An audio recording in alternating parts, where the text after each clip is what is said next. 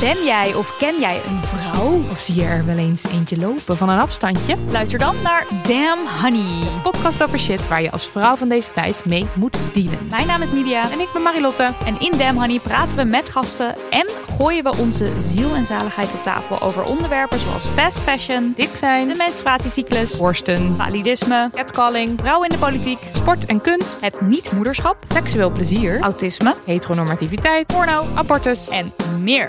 Elke zaterdag in je podcastfeed.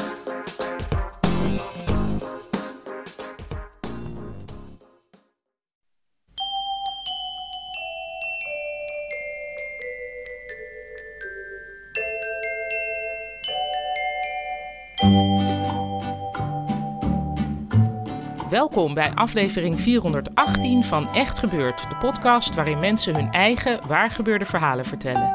In deze aflevering twee korte verhalen die voortkwamen uit Echt Gebeurd jongerenworkshops.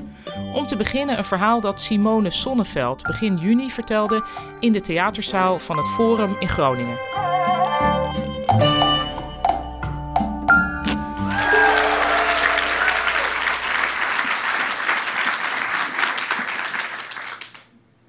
Jaar geleden deed een goede vriendin van mij beleidenis.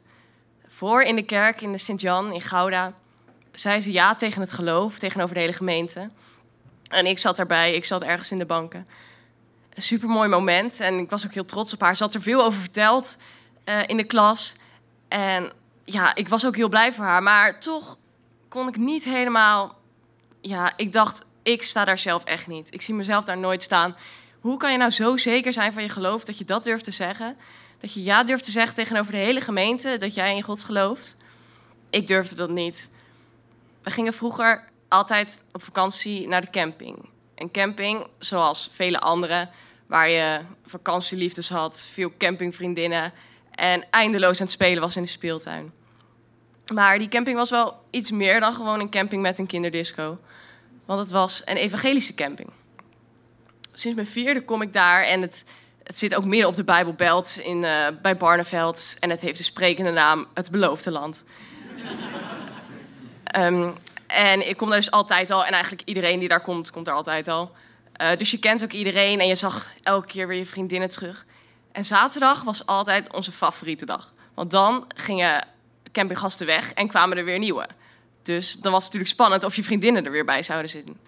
We zaten altijd op hetzelfde veldje, op Jericho. Want alle velden hadden natuurlijk christelijke namen. En we zaten altijd in een staakerven 91C. En rechts uh, tegenover ons zat meestal een vrouw, Franka. Dus dan was het zaterdag weer spannend, zou Franka weer komen. En naast ons zouden de Belgen weer komen. En zo ging het elk jaar weer. Ik ben daar echt opgegroeid. Eerst mocht ik nog niet van ons veld af. En toen mocht ik tot de speeltuin. En toen het jaar daarna mocht ik zelfs tot de brug. En zo leerde ik de hele camping kennen. Maar eigenlijk leefde je gewoon toe tot het moment dat je 12 werd. Als je 12 werd, mocht je naar de jeugdkelder. Het was altijd een soort mysterieuze plaats. Het was bij de binnenspeeltuin, maar als kind mocht je absoluut niet naar de jeugdkelder. Want er stond een bord, Jezus leeft, maar daaronder streng verboden voor volwassenen en kinderen. Dus het was altijd heel spannend of je daarheen moest. En toen werd ik 12, dus ik mocht eindelijk naar de jeugdkelder ik daalde de trap af. Het was een groene gang waar je doorheen ging, een groene hal. En dan kwam je daar beneden bij de deur en je open. Heel mooi geschilderd van binnen en felle kleuren door de jongeren zelf natuurlijk. Overal banken, um, tafeltennis, tafel, spelletjes en een bar. Zonder alcohol natuurlijk.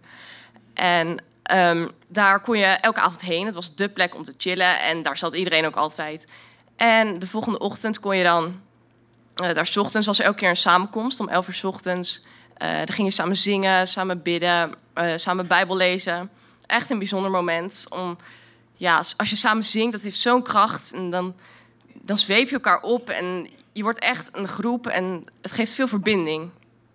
Maar ja, ik was het ook echt niet altijd eens met wat er allemaal gezegd werd. Het was een evangelische camping en ik zelf kom uit een hervormde gemeente, dus het was soms een beetje intens, al dat evangelische uh, gejuich mijn moeder is theoloog en dan na zo'n dienst ging ik wel eens naar haar toe van nou, wat ze nou hebben gezegd. Bijvoorbeeld een keer ging het over muziek en um, ja, alle regels die daaromheen waren dat je absoluut geen rap mocht luisteren en je mocht geen hip-hop luisteren. En pop, dat kon dan nog net aan, maar eigenlijk niet. Dus dan ging ik naar mijn moeder toe en dacht, wat is dit nou? Dit slaat helemaal nergens op. Ik weet niet of ik hier nou wel in geloof en of ik hierbij wil horen.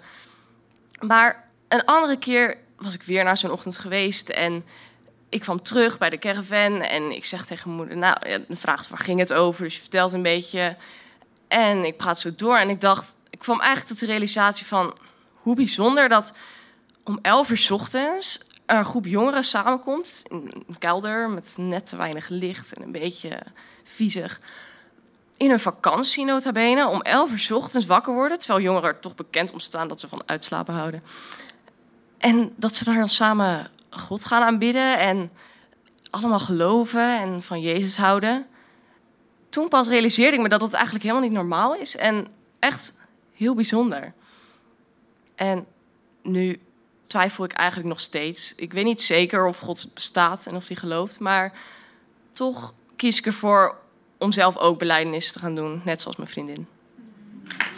Dat was Simone Sonneveld. Het afgelopen collegejaar was Simone student klassieke talen en na de zomer gaat ze interdisciplinaire sociale wetenschap studeren. In haar vrije tijd maakt ze graag muziek.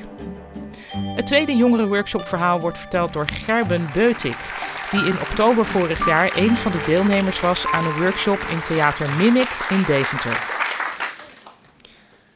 Kut, ik moet Piet nog ophalen van Schiphol. Uh, dat zei ik tegen mijn huisgenoot. Uh, we waren nog aan het avondeten en ik was heel erg moe. En ik was vergeten dat Piet nog moest ophalen. Piet, dat is de oude bovenbuurman van mijn oom. Hij is uh, 88. Maar het is een hele vrolijke Utrechter nog. Maar hij had eigenlijk geen familie meer eh, ja, die hem nog bezocht. Dus mijn oom had zich een beetje over hem ontfermd. En toen hij zijn heup brak, toen vroeg mijn oom of ik af en toe met hem wilde gaan wandelen. Uh, en dat wilde ik wel. En Piet wilde heel graag nog een keertje naar Mallorca. En mijn oom heeft dat toen voor hem geregeld. Uh, en uiteindelijk vroeg mijn oom dus aan mij of ik Piet op de terugreis wilde ophalen van Schiphol. en ik zei ja, maar ik vond het eigenlijk ook wel heel erg spannend. Want ik was sowieso nog nooit in mijn eentje naar Schiphol gereden. En al helemaal niet midden in de nacht, want Piet zou midden in de nacht aankomen. maar ja, ik dacht ook van ja, ik, moet maar gewoon doen, want anders word ik nooit volwassen. Um, dus ik ben er toch naartoe gereden. Maar het ging allemaal mis. Ik reed ook eerst richting Den Bosch in plaats van richting Amsterdam. En uh, nou, vervolgens heb ik wel Piet kunnen inladen. En we kwamen rond half drie, drie uur s'nachts pas aan uh, bij dat verzorgingstehuis. En ik belde aan. en er sprak een vrouw door de intercom. En die vroeg, wat komen jullie doen? Ik zeg, ik kom Piet terugbrengen van Mallorca. En de deuren gingen open. Alleen, toen kwamen we binnen. Maar er, er, was, helemaal, er was helemaal niemand. En dat vond ik toen al een beetje raar, maar ik dacht, ik was ook moe. Dus ik ben toen met Piet naar zijn kamer toe gegaan. En toen stonden we voor Piets kamer. En toen zei Piet doodleuk, ik heb helemaal geen sleutel. Die heb ik moeten inleveren voor vertrek. Uh, ik zei, joh... Um, Oké, ik ga wel even hulp zoeken. Dus ik ging weer naar beneden, maar daar, ja, daar was nog steeds helemaal niemand.